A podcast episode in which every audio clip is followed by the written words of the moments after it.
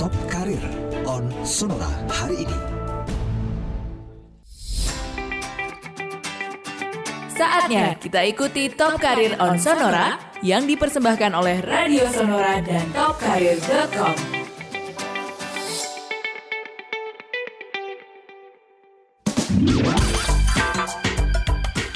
Halo, halo, selamat malam apa kabar teman-teman dan sahabat Sonora Network yang tinggal di Jakarta, Palembang, Bangka, dan Pontianak. Senang sekali malam hari ini ada Anto dan Bide lagi. Iya, di acara perdana kita ya malam hari ini Top Karir on Sonora FM 92 Jakarta. Cuma malam hari ini kita nggak cuma berdua nih. Uh, nggak berdua lagi ya Iya. kita ya. Hari Ada Senin host kita juga rame. nih, Uh, ada host juga. asik. Siapa sih? Iya, kita kenalkan ya ada Mas Bayu Janitra Wiryo Atmojo dari Uh, topkarir.com. Halo Mas Bayu, selamat Halo, malam. selamat malam sahabat Sonora. Apa kabar? Baik, alhamdulillah sehat. Terima kasih ya udah datang ke Sonora. Wah, thank you juga Ini, Jadi acara perdana pertama kita ya? nih. Iya, betul. Dan akan rutin diadakan setiap hari Senin ya. Senin, Jam, jam 7 7 sampai malam. jam 8 malam. Betul. Kita juga nggak bertiga doang nih. Wah, ini penting juga nih. Bener. Penting. Bisa bahasa Indonesia gak ya? Eh, eh, coba aja dites mas. Kita tes. Ada ujian dulu ya, dites dulu deh, boleh dicoba dulu. Ini ada Bapak Erick Mayer Erik Mayer. selaku Presiden Director of Telkom Telstra. Iya, Halo Pak Erick, selamat malam. Good evening. Ah, Ayo lo, nantangin sih. Selamat malam Pak Erick. Selamat malam. Apa kabar? Alhamdulillah baik. Alhamdulillah baik sehat ya. Anak istri sehat juga ya. Terima kasih udah datang ke Sonora malam hari ini. Ini topik kita menarik sekali ya Mas Bayu ya. Ya. Keterkaitan antara eh, teknologi dan pengembangan bisnis. Sebelum kita ngobrol tentang topik kita malam hari ini, Yes. mungkin Mas Bayu bisa cerita nih kepada Iya. teman-teman dan sahabat Sonora Network karena nggak cuma di Jakarta aja nih. Di Palembang, Bangka dan Pontianak juga sedang mendengar kita malam hari ini. Bisa cerita kepada mereka apa sih topkarir.com itu? Oke, jadi eh, pertama-tama yang eh, menjadi penting adalah kita kenalan dulu ya. Ya. Jadi topkarir.com ini adalah portal pengembangan karir buat anak muda Indonesia. Hmm, Jadi kita dirikan 2015, tujuannya adalah membantu anak muda Indonesia Oke. untuk berkembang Ya. Hmm. eh, kehidupan karirnya. Jadi eh, meliputi apa saja kita punya lima pilar yang sangat spesial yang tidak dipunya sama eh, yang lain. Hmm, Yang pertama kita ada kesempatan kerja tentunya, Oke. baik itu magang ataupun eh, kerja tetap Hmm. ya. Lalu yang kedua kita ada eh, pelatihan sertifikasi. Oke. Kemudian kita ada beasiswa dan kelanjutan studi Hmm. Keempat kita ada tips karir. Jadi Hmm. eh, perlu juga kan anak-anak muda itu tahu tentang pengembangan karir seperti apa. Cara bikin CV gimana? Iya. Teknik wawancara gimana? Teknik wawancara seperti gitu ya. Terus yang terakhir yang Hmm. kita baru launching di 2018 akhir adalah kewirausahaan. Oke. Jadi kita selalu kasih opsi untuk anak muda Indonesia begitu lulus Hmm. bisa bekerja atau membuka lapangan kerja baru gitu. Oke. Ini kan udah lumayan lama ya Ah. berdiri ya. Hmm. Responnya gimana nih Mas Bayu? Alhamdulillah per 2018 kita Hmm. sudah punya satu juta database aktif yang rutin Hmm. ya dan kita setiap bulan itu eh, ada 4,5 juta Hmm. pengunjung eh, di eh, Top Career ya. Jadi Wow. page view-nya 4,5 juta. Jadi Hmm. eh, 4,5 juta halaman Hmm. yang dibuka setiap bulannya. Wow. Jadi kalau pengunjungnya 1,1 sampai 1,2 juta. Mhm. Jadi udah cukup cukup ini nih. Makanya eh, kita coba ini ya. Berkolaborasi nih sama lagi pastinya. ya. Nambah Iya, lagi dong. Seru dong, ya kan? Jadi nggak melulu soal lapangan kerja ya iya, info jadi ya. eh, kita nggak hanya bicara lapangan pekerjaan. Mm-mm. Makanya hari ini juga eh, spesial karena Uh-uh. episode perdana Uh-uh. ya saya ngundang guru saya. Oh. Guru.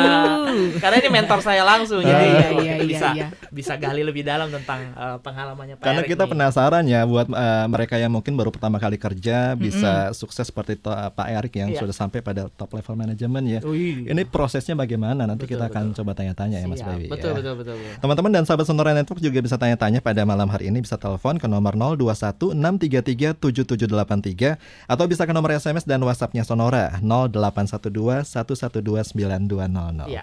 Oke, kita langsung ke pertanyaan pertama Pak Erik. Wah, ini jadi Jangan kita kayak interview kerja Oh, iya, gitu iya. dong. jadi, Relax aja. jadi kita pertanyaan cukup panjang ya. Saya langsung tanya sama Pak Erik nih. Eh, Pak Erik kan sekarang sebagai eh, presiden director dari Telkom Telstra. Betul ya, Pak ya?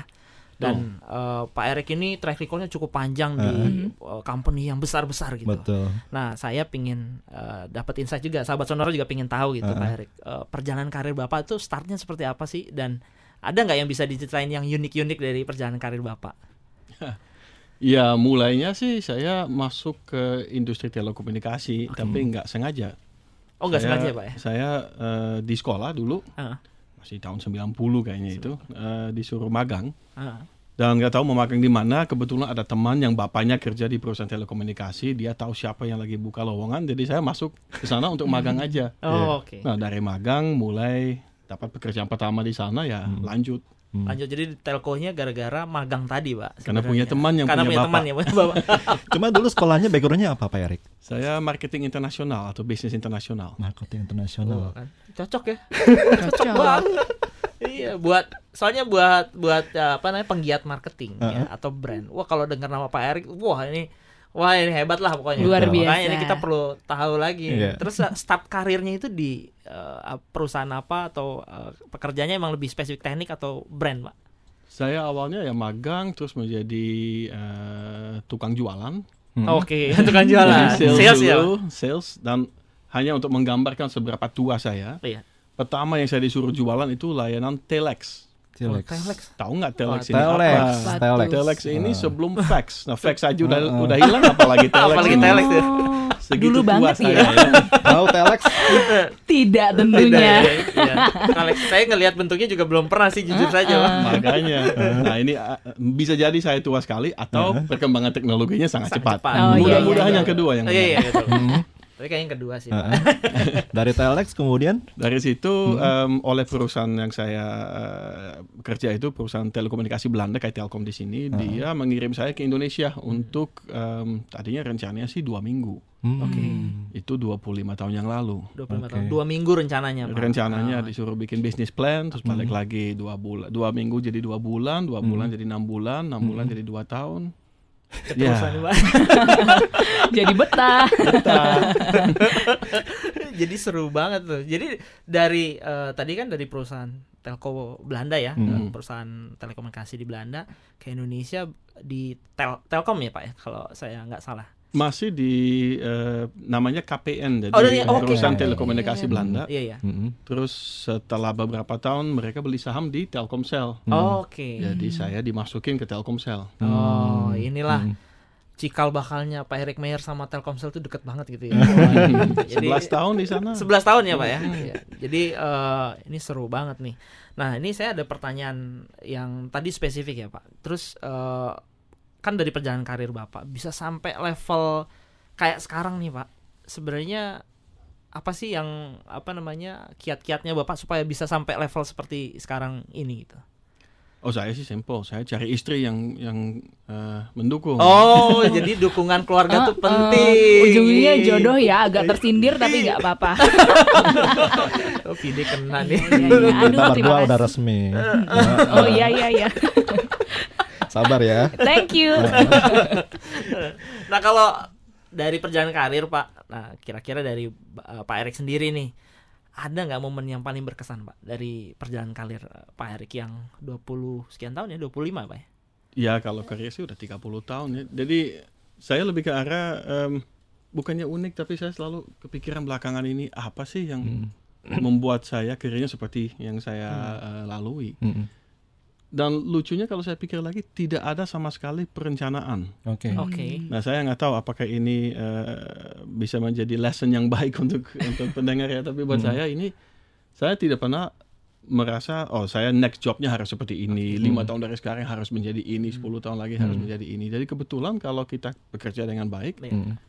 ternyata kesempatan itu datang aja. Tinggal Oke. kita memilih kesempatan yang mana yang mau diambil. Mm. Hmm. Wah menarik ya. Tuh. Pertama cari istri yang mendukung. Iya, terus yang kedua jangan buat plan, kerja terus. Kerja aja yang dulu. bagus tapi kerjanya. Heeh. Gitu. Saya juga nanti penasaran ya, karena kan Pak Erik ini dari Belanda, kemudian ke Indonesia. Yang culture-nya ini jelas-jelas beda ya. Iya, iya. Budayanya beda, kemudian karakter orang-orangnya juga beda. Kemudian Pak Erik ini bisa mengatasi semua perbedaan tersebut ya. Cuma nanti jawabannya Pak Erik ya. Nanti kita sambung lagi teman-teman dan sahabat Sonora di Jakarta, Palembang, Bangka dan Pontianak.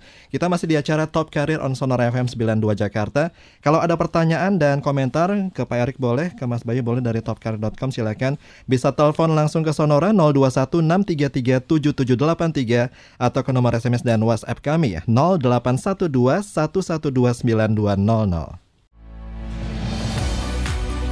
Station with Sonora, a part of Magentic Network.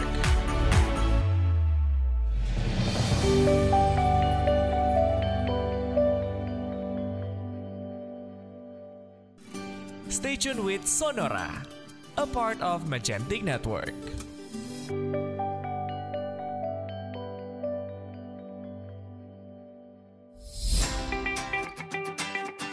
Saatnya kita ikuti Top Karir on Sonora yang dipersembahkan oleh Radio Sonora dan topkarir.com.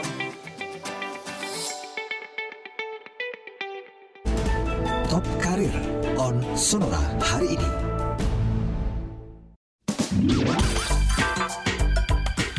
Ya, masih bersama Anto dan Fidel di acara Top Career on Sonora FM 92 Jakarta, kerjasama antara Radio Sonora dan topcareer.com. Juga masih ada Mas Bayu Janitra, Wiryo Atmojo dari topcareer.com dan Pak Eric Mayer, Mayer.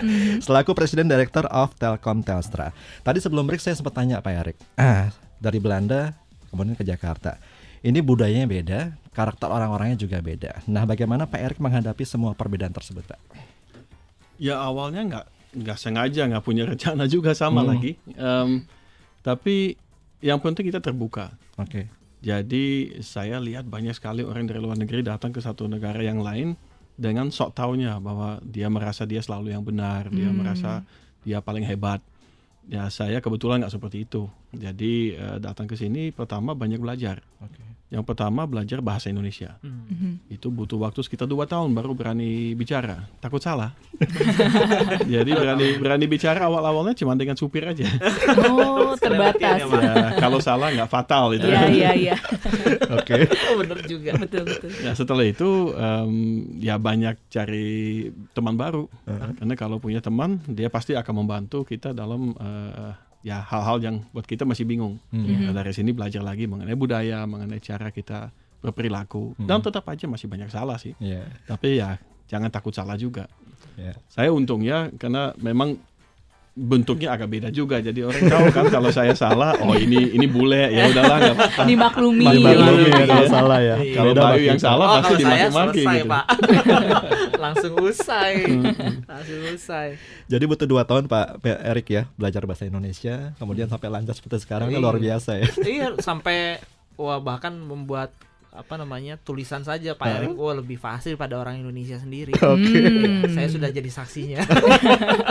Sering dikoreksi Mas Bayu ya. Iya, iya. Nah, ini kita ada eh, pertanyaan berikutnya ya, Uh-uh. Mas Anto, eh, Vide juga. Sebagai pemimpin perusahaan, Pak, sekarang eh, kan Bapak udah berapa kali eh, perusahaannya besar-besar dan Hmm. saya yakin karyawannya nggak sedikit jumlahnya banyak. Nah, apa sih yang menjadi tolak ukur Pak Erik dalam mencari talents, Pak? Baik itu dari luar untuk masuk ke perusahaan atau di Hmm. dalam ya? Iya. Karena ini pasti banyak yang penasaran. Betul. Gimana ya caranya? Ya pertama saya biasanya lihat karakternya. Hmm. Apakah ini orang yang pejuang? Hmm. Apakah dia secara karakternya masuk ke dalam budaya perusahaan? Karena Hmm. perusahaan biasanya punya budaya. Hmm, ya, betul, kalau nanti orangnya beda total, Iya. bisa jadi bagus, bisa juga jadi nggak nyambung. Iya. Em, ya dari sisi pendidikan atau pengalaman itu pasti kita lihat juga, tapi Hmm. itu biasanya banyak sekali yang dengan pendidikan dan pengalaman yang mirip-mirip yang Iya. mendaftar. Jadi yang menjadi penentu biasanya ya karakternya, Hmm. cara dia berperilaku. Hmm. Kalau ditanya mengenai eh, challenge atau mengenai eh, bagaimana dia menyelesaikan kalau ada masalah, Hmm. bagaimana dia ingin berprestasi. Nah di sini dari jawaban-jawaban itu biasanya keluar apakah ini orangnya cocok atau, atau Oh. tidak. Jadi nilai bukan satu-satunya Mas Bayu. Bener, jadi yang dilihat pertama sama Hmm. Pak Erik karakternya dulu ya Pak ya. Iya. Oh, Mhm. jadi karakter pemenangnya harus ada dulu nih. Oh, susah soalnya kalau nggak dilihat dari situ. Bener juga. Nah terus kalau itu kan eh, se- apa namanya untuk melihat talentanya Pak. Nah terus saya suka eh, diskusi dulu sama teman-teman, suka penasaran juga sama Pak Erik. Gimana sih Pak menggali potensi untuk eh, karyawan ya, Hmm. yang mungkin secara performance belum belum terlalu baik Betul. tapi eh, Pak Erik melihat wah ini orang ini bisa di ya? iya bisa Hmm. didorong gitu Hmm. lebih jauh lagi gitu nah itu kalau Pak Erik lebih believe dengan apa tuh Pak dengan mekanisme apa atau teknik apa untuk biasanya seperti itu Ya mungkin bukan teknik, tapi yang penting adalah memberi setiap karyawan itu em, sesuatu yang ingin dicapai. Hmm. Hmm. Jadi harus ada eh, tujuan, Iya. harus ada sesuatu yang eh, yang dia ingin Hmm. eh, capai dan akan menjadi bangga kalau kalau tercapai. Hmm. Jadi itu yang pertama. Eh, yang kedua em, keinginan untuk belajar. Iya. Jadi yang sering saya lakukan eh, dan Bayu juga tahu karena pernah mengalami juga pindah-pindahin orang di dalam perusahaan. Oh.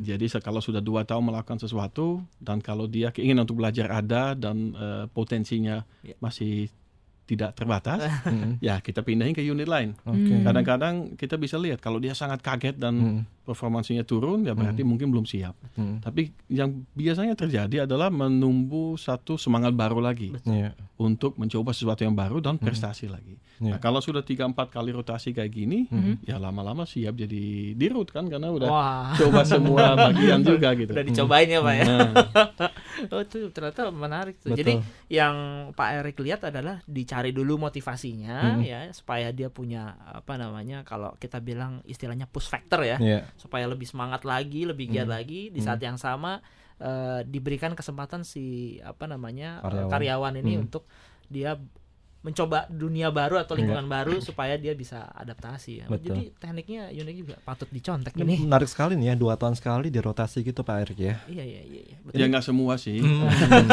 Dilihat yang ini ya, yang punya keinginan yang kuat Iya. ya. Oke. Oke, nah, nah ini terkait sama eh, perjalanan karir Pak Erik juga kan Pak Erik dari awal sampai eh, saat ini kan di bidang eh, teknologi ya kebanyakan teknologi dan services. Nah, kalau menurut Pak Erik, pandangan Pak Erik, eh dengan adanya teknologi ini sebetulnya pengembangan bisnis di Indonesia tuh seperti apa sih Pak? Ya akan akan ada banyak perubahan dan sudah mulai kelihatan. Sudah mulai sekarang. kelihatan ya Pak. Jadi teknologi di dalam hampir semua jenis industri dan semua jenis perusahaan ya pasti ada Mhm. dan peranannya menjadi semakin penting. Iya. Hampir semua perusahaan sekarang sudah mulai mikirin bisnisnya ditaruh di cloud. Hmm. Pasti ada divisi online, Iya. pasti punya social media, Betul. pasti pakai email. Iya. Nah semua hal ini em, kalau dikombinasikan dan diintegrasikan itu Hmm. akan menjadi sangat powerful. Hmm. Nah sekarang masalahnya di Indonesia Hmm. untuk yang yang tadi ini disebutnya sebenarnya digital transformation atau Iya. transformasi digital. Hmm. Ini Indonesia agak ketinggalan dibanding negara-negara ASEAN yang lain. Hmm. Jadi masih banyak yang banyak banyak perusahaan yang menunggu. Hmm.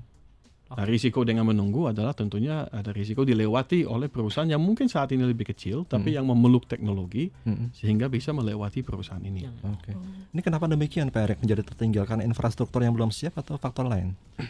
Satu, kadang-kadang juga karena pimpinannya yang sudah eh, lanjut usia, tidak Oh, terlalu melek teknologi Iya, iya. dan takut sama Oke. teknologi. Iya, iya, yang kedua, sering eh, masih ada teknologi lama yang Mhm. mungkin belum balik, balik modal sehingga untuk investasi teknologi baru takut. Hmm. Em, dan memang yang bisa dimengerti juga teknologi berubah begitu cepat. Betul. Kalau hari ini ambil keputusan pergi dengan teknologi A, Hmm. bisa jadi tahun depan sudah lebih relevan B. Iya. Nah ini kadang-kadang orang lama mikir dan jadi kelamaan mikir. Hmm. Iya, Hmm. Hmm. Betul juga sih, emang begitu terasa ya, apa namanya eh, percepatan teknologi Iya. ya. tergambar dari Handphonenya tiga, tiga bulan ganti. sekarang Iya, betul. handphone baru, teknologi baru ya kan tiga bulan ya Uh. kan. Dulu saya ingat masih zaman apa namanya video tuh, Uh-uh. Betamax Uh-uh. ke VHS kan begitu epicnya ya. Betul. Wah, tapi begitu VHS sebentar saja udah ada ini DVD, CD. DVD. Hmm. Jadi memang begitu cepat ya apa namanya dunia yang terjadi sekarang. Tapi Makanya- untung Bayu masih aktif di Friendster kan. Agak ketahuan umurnya ya. saya masih pakai Yahoo Messenger sih. Oh iya iya iya. ada iya. ya. Sama MRC. Menarik sekali ya Pak, Pak Arik tadi menyampaikan kalau eh, infrastrukturnya sebenarnya udah siapa ya. Kalau support dari pemerintah seperti apa Pak? Ya banyak. Saya lihat pemerintah juga sekarang mendorong banyak ke Hmm. area teknologi. Hmm. Jadi yang pertama infrastruktur ya. Ya. Jadi pembangunan yang namanya palaparing. Palaparing, Jadi iya, iya. kabel laut yang yang Iya. gede banget yang Hmm. akan mengelilingi seluruh Indonesia termasuk Hmm.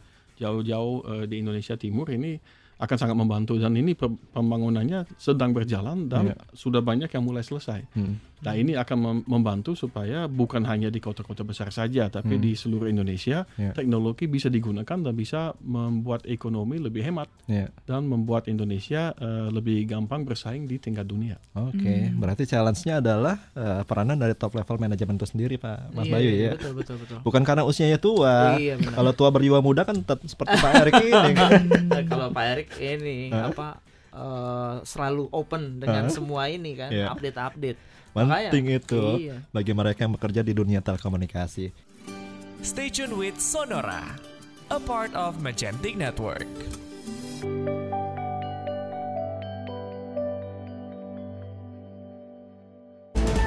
Top Karir on Sonora hari ini.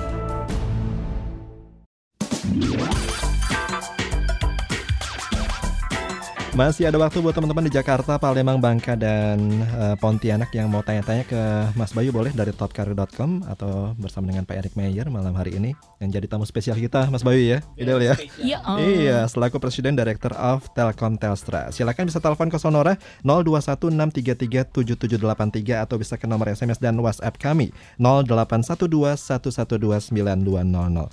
Udah lumayan banyak yang nanya, Adel ya? Banyak Hmm, dong. Di antaranya Ini ada dari 08787180 sekian sekian sekian sekian. Bagaimana cara menggali potensi milenial dalam memulai bisnisnya? Uh, milenial. Oh, ini ser- serem juga ya pertanyaannya nih. Wah, Serius ya? Pak Erik yang cocok nih. Oh. Oke, oke. Oh. Coba Pak Erik kira-kira pertanyaan tadi jawabannya seperti Ini apa? lagi kebalikannya justru. Oh ya justru saya. Semua milenial hampir maunya memulai bisnis sendiri. betul Buat setuju saya challenge-nya adalah bagaimana meyakinkan mereka untuk bekerja dulu di perusahaan seperti yang saya pimpin.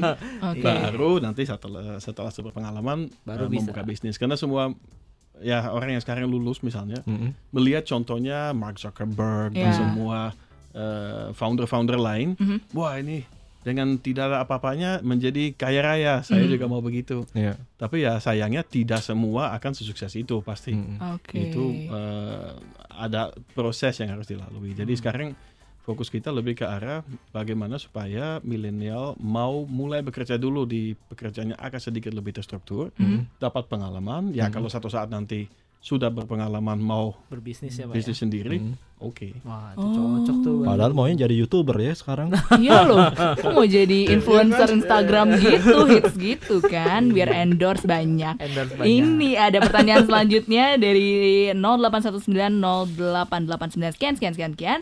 Bagaimana cara mengembangkan bisnis yang sudah ada dengan banyaknya pesaing bisnis berbasis teknologi?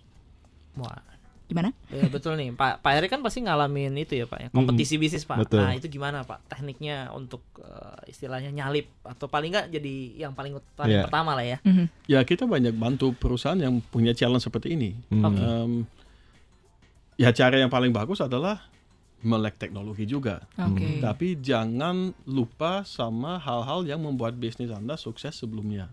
Hmm. Jadi banyak yang misalnya toko, toko fisik yang sekarang banyak merasa wah kita su- susah bersaing dengan Toko toko, online. online. Iya. Jadi saya mendingan tutup toko fisik yang banyak biayanya, saya pindah ke online juga.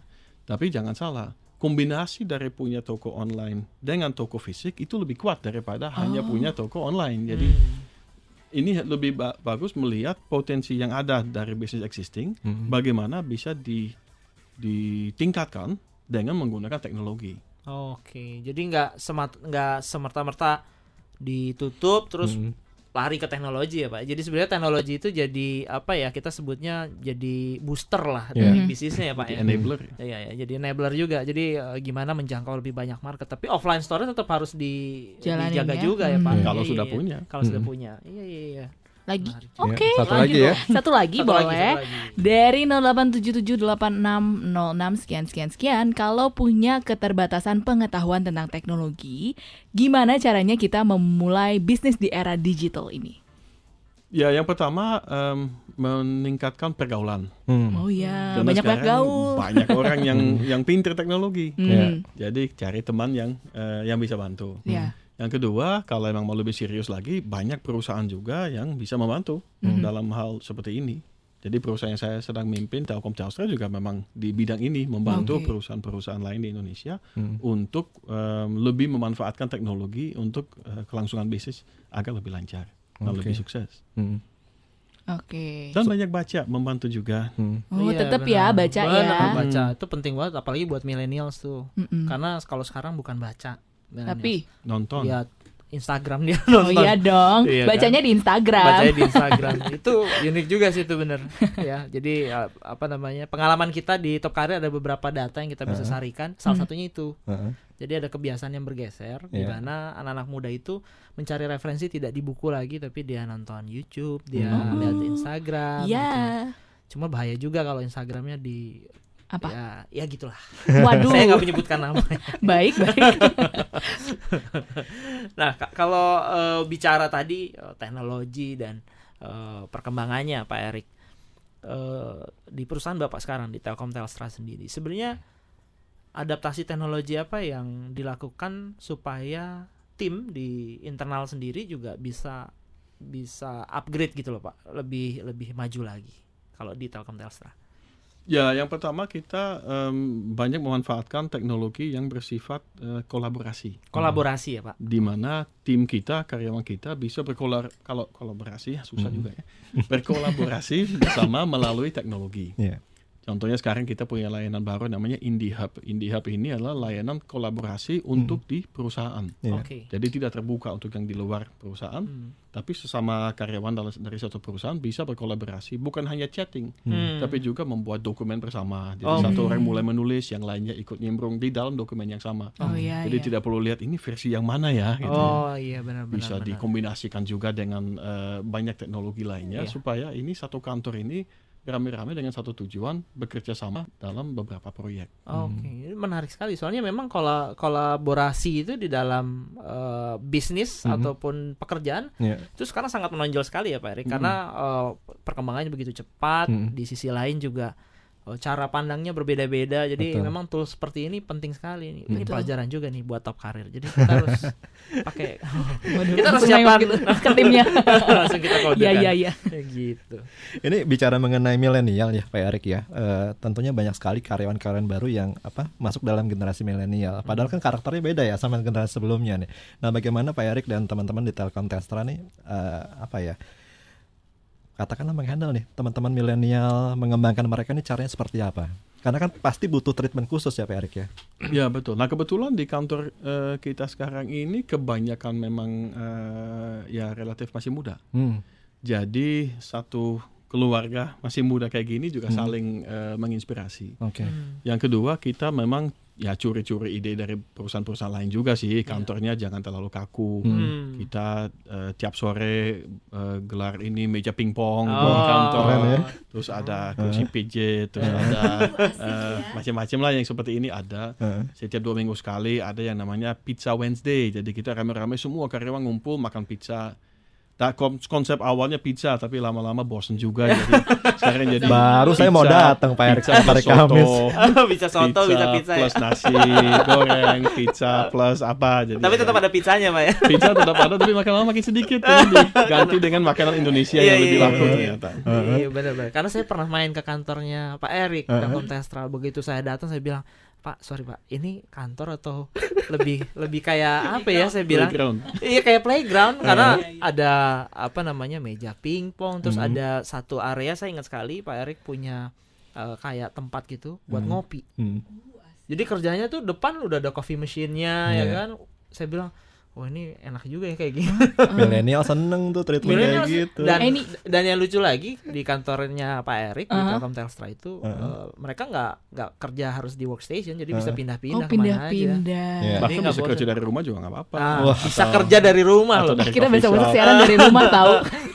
tapi itu bukan hanya ini, ini kan salah satu contoh tapi Iya, yang yang penting juga dan ini yang saya selalu kagum dari milenial mereka biasanya ingin belajar Hmm. jadi cara lain kita juga adalah memberikan pelatihan training sertifikasi dan lain-lain Hmm. karena ya ciri-ciri milenial ini adalah ingin maju Hmm. dan ingin berinvestasi waktunya untuk bisa lebih maju jadi ini juga Iya. harus difasilitasi oleh kantor Oke, ceritanya nanti kita sambung lagi ya Pak Erik ya.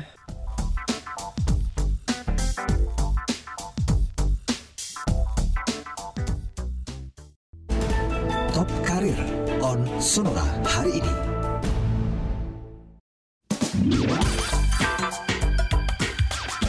Iya, masih di acara Top Karir on Sonora FM 92 Jakarta Kerjasama antara Radio Sonora dan topkarir.com Sekarang kita masuk di sesi yang terakhir nih Nggak terasa teman-teman dan sahabat Sonora Network Kita bacakan kembali ya pertanyaan yang sudah masuk Lumayan banyak Mas Banyak Bayu. ya? Boleh. Wah, kita seneng banget ini Heeh. tayangan perdana tapi Iya. pertanyaannya banyak. Pertanyaannya ya? Oh, banyak. Tamunya juga spesial Oh lagi ya. iya. Dan bisa jawab macam-macam. Ini ada dari 0813 9000 sekian sekian sekian. Bagaimana teknologi dapat membantu usaha sebuah bisnis dengan keterbatasan budget atau biaya usaha tersebut? budget Nah, nih. Justru sekarang ini banyak kesempatan karena Mhm. banyak teknologi ini gratis sebenarnya. Betul. Jadi nggak harus selalu yang mahal-mahal. Iya, iya. Mulai dengan yang gratis, kalau Mhm. bisnis sudah lebih besar bisa nambah yang versi premiumnya yang lebih Oke. banyak fasilitasnya. Tapi nggak harus selalu lihat dari harganya. Iya. Benar sekali sih. Ya kalau kita eh, eh, apa namanya ibaratnya jualan online ya. Mhm. Sekarang malah kalau kita nggak punya modal aja bisa jadi dropshipper kan. Iya betul. Jadi sebenarnya cara-cara untuk apa berbisnis sudah makin banyak Iya. semenjak eh, teknologi makin maju. Gitu. Iya, Jadi sebenarnya justru- pemanfaatannya bisa ya. Dengan adanya kemajuan teknologi membuat apa budget itu menjadi ini ya Iya. semakin kecil ya. Semakin kecil. Sekarang teleponnya lewat eh, aplikasi gitu ya kan. Nggak mau telepon ini lagi. Heeh, semoga terjawab berikutnya. Lalu ada dari 08128458 sekian sekian sekian. Bagaimana cara mengelola bisnis lama menjadi bisnis dengan teknologi baru? Menarik nih Pak ini. Ya. Ya harus pertama dilihat dari komun- eh, cara kita berkomunikasi dengan konsumen kita. Hmm. Jadi em, berangkat selalu dari customer. Ya. Customer kita ingin berkolaborasi atau bekerja sama dengan kita seperti apa, ingin membeli produk kita seperti apa. Ya. Nah ini fokus dari sini dulu. Yang kedua, bagaimana setelah penjualan sudah dilakukan, Mm-mm. after sales service-nya gimana dengan Hmm. cara juga menggunakan teknologi. Ya. Karena sekarang jauh lebih gampang kalau customer tidak puas Mm. untuk komplain kan. Betul. bisa lewat Twitter dan lain-lain. Hmm. Nah, sebelum itu terjadi, lebih baik kita sudah punya em, melalui teknologi juga cara Hmm. untuk menerima eh, masukan atau komplain dari customer Hmm. kita. Ya. Jadi mulai dari yang gampang-gampang dulu aja, Hmm. interaksi dengan konsumen kita menjadi satu. Ya. Yang kedua, lihat lagi bagaimana caranya teknologi bisa membantu kita menurunkan biaya usaha kita. Ya. Oke. Hmm, betul. Karena betul. dulu kalau Hmm. kita mau punya bisnis, kita harus beli server yang mahal, Betul. harus punya tim IT yang banyak Betul. untuk memaintain server dan lain sebagainya. Sekarang udah ada layanan cloud yang sebenarnya murah betul. Iya. betul dan sekali. dan tidak perlu beli apa pun, tinggal bayar bulanan aja. Iya, betul. Kalau bisnis kita lagi laku beli kapasitas banyak, Iya. Hmm. kalau bisnis lagi kurang ya kita kurangin kapasitasnya. Benar. Tidak ada alatnya dan lain-lain. Jadi ini Hmm. em, bisa juga kedua untuk me- menggunakan teknologi untuk mengurangi biaya dan membuat bisnis kita lebih gampang di manage. Ya. Yang Oke. ketiga, lihat bagaimana teknologi bisa membantu kita memonitor bisnis kita. Hmm. Karena banyak data sekarang. Ya. Kita bisa menggunakan data pembelian, data transaksi dan lain-lain Hmm. untuk memancing transaksi-transaksi baru. Hmm. Ini yang yang bahasa kerennya juga menggunakan eh, big, Big data, data, ya. analytics. Oh, iya, nah, iya. ini kalau datanya udah banyak dianalisa, Hmm. bisa membantu untuk melancarkan usaha kita. Ya. Hmm, Oke. Oke. Ini ada beberapa yang pertanyaannya mirip, diwakilin aja ya sama 08953465 sekian sekian sekian. Apa saja hal yang perlu dilakukan milenial untuk memulai bisnisnya dengan adanya perkembangan teknologi? Terkait dengan teknologi ya, terutama karena nggak berhenti-berhenti berkembangnya. Ya, yang pertama eh, tentunya belajar tentang teknologi. Mhm. itu harus ada. Yang kedua, em, saya selalu sarankan juga untuk belajar lebih dari satu bahasa. Hmm. Oke. Karena teknologi ini juga sebenarnya membuka kesempatan kita untuk eh, bukan hanya jualan di Indonesia saja, tapi bisa membuka pasar global. Ya. Kalau kita bisa bisa bahasa yang lain, Mhm. itu juga akan membantu. Yang ketiga ya seperti tadi kita bicarakan, banyak pajak. Hmm. YouTube nonton video saja nggak cukup kalau kita tidak punya struktur juga. Oke. Dan eh, ya kalau kita banyak baca mengenai perkembangan terbaru dan tidak perlu beli buku juga, bisa juga cari artikel online dan lain- banyak sekali opportunity yang ada Hmm. Untuk eh, ya jangan sampai ketinggalan zaman aja Mhm. karena teknologi cepat berubah. Yang ketiga yang yang seperti tadi banyak punya teman Hmm. dan tukar pikiran. Hmm, Oke. Jadi bangun network ya, Pak Iya, ya. karena teknologi itu satu, tapi cara menggunakan teknologi ini yang penting, Betul. Bukan teknologinya. Iya, iya. Tapi bagaimana kita menggunakannya. Nah, sering kalau kita punya banyak teman, kita bisa nanya, kamu pakai teknologi apa dan Mm. untuk apa? Ya. Dan dapat ide-ide banyak sehingga kita bisa ya sedikit eh, copy paste lah. Kalau bahasa kerennya cari referensi. Oh, gitu, iya. gitu ya, Pak Erik ya. Iya, iya, iya, iya. referensi itu penting. Iya. Apalagi referensi bisnis ya. Benar. Iya. Salah satunya networknya dengan Pak Erik ya. Oh iya, kalau itu harus dong, wajib. Wajib. Sekarang gampang kan punya network, tinggal Iya. follow di Twitter, Instagram, Facebook Betul. dan lain-lain. iya, iya, iya. Sekarang, Sekarang bisa. bisa sekarang kita follow lah. Iya boleh, semoga di fallback ya. Kalau nggak nggak jadi networking. Iya iya iya. Bisa diatur gitu. ya. Iya. Nah ini ada pertanyaan dari saya Pak Erik eh, tentang eh, kita lihat kan eh, apa namanya milenial tuh banyak yang eh, selalu ada dua opsi ya Pak ya. Either dia bekerja Hmm. atau dia buka lapangan pekerjaan. Tadi kan udah bicara bisnis bisnis bisnis Mhm. bisnis gitu kan. Nah ini saya tanya pesan untuk anak muda Indonesia Pak untuk memulai karir apa yang eh, bisa dilakukan.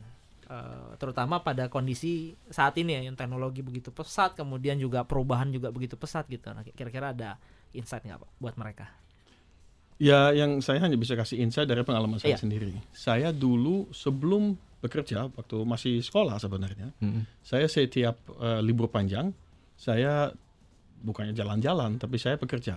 Oke. Bekerja di pabrik. Hmm. oke Jadi bekerja di pabrik, saya merakit kursi, merakit meja, membolong besi dan lain-lain. Hmm. Eh, ya tujuan waktu itu adalah untuk cari duit sebenarnya kan Iya. untuk beli hal-hal yang yang yang seru. Hmm. Tapi belakangan saya kepikiran karena saya sudah sering bekerja di pabrik dan lain-lain. Saya sedikit-sedikit tahu bagaimana em, produk kita dibuat, Hmm. Hmm. bagaimana cara proses untuk berkolaborasi. Karena di di pabrik, pabrik dan itu lain-lain ya. itu kerjasama itu Hmm. benar-benar iya penting Eh, ya penting. ya? Iya, iya.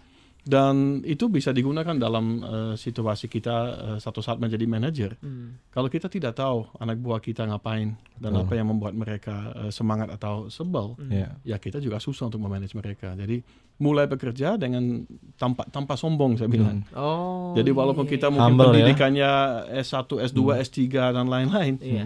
Ya mulai dulu belajar dari bawah Iya. supaya kita eh, bisa menggunakan itu sebagai bagasi dalam perjalanan karir kita ke atas. Iya. Oh, Uh, menarik banget ya. Jadi sebenarnya konsepnya eh, bisa direplikasi ya. Jadi eh, Pak Erik ini melakukan waktu pas start karirnya itu, Hmm. kita kalau bahasa di sini magang kali ya. Iya. Iya. Jadi ketika libur gitu ya, Hmm. dibandingkan kita Jalan-jalan. jalan-jalan atau Jalan. main game misalnya, Hmm. Cari sesuatu yang produktif. Iya. Di samping ya kalau dapat uang, alhamdulillah ya. Tapi di sisi lain sebetulnya dapat pengalaman baru, Betul. belajar Betul. hal baru, sehingga sebenarnya kapasitas dirinya juga bisa Hmm. meningkat gitu. Seru banget Ketika ya. masuk dalam kerjaan sesungguhnya nggak kaget lagi. Nggak Mas Bayu. kaget jadi udah belajar udah Iya. belajar ekosistemnya ya wah jadi menarik nih jadi Oke. bagaimana kalau kita galakan top karir magang wah Siap. boleh boleh. iya boleh. dari lima pilar top karir ada satu magang loh Asik. Wah, dipilih Cocok dari pendengar kita yang masuk ya. iya iya iya Benar nggak? Eh, boleh banget Ah. tuh Oh boleh, silakan loh. dari perusahaan-perusahaan ternama wah Iya.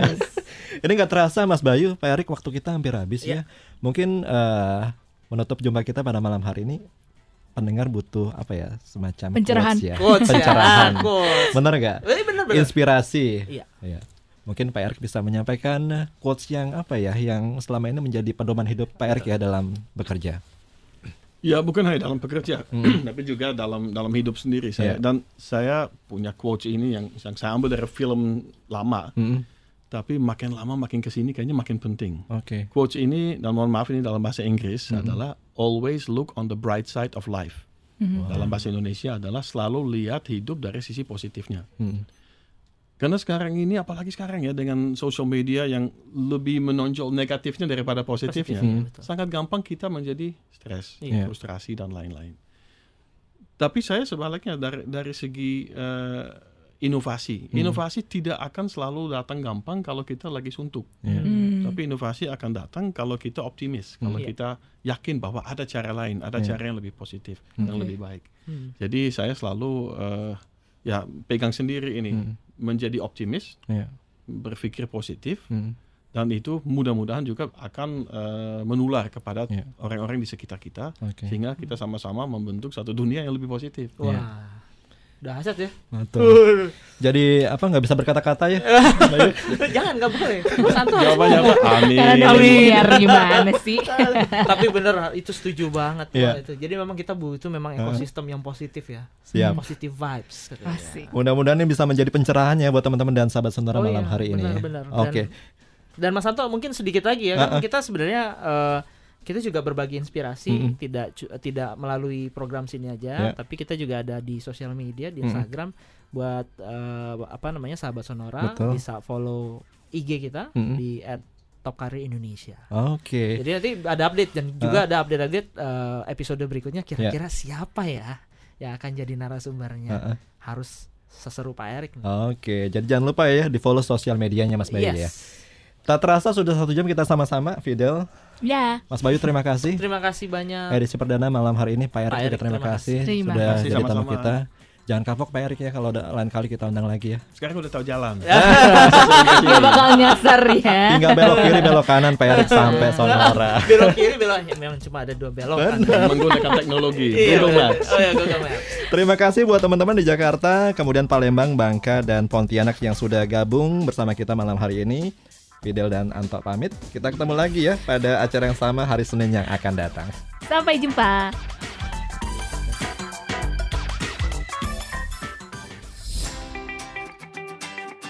Demikian telah kita ikuti Top Karir on Sonora yang dipersembahkan oleh Radio Sonora dan topkarir.com.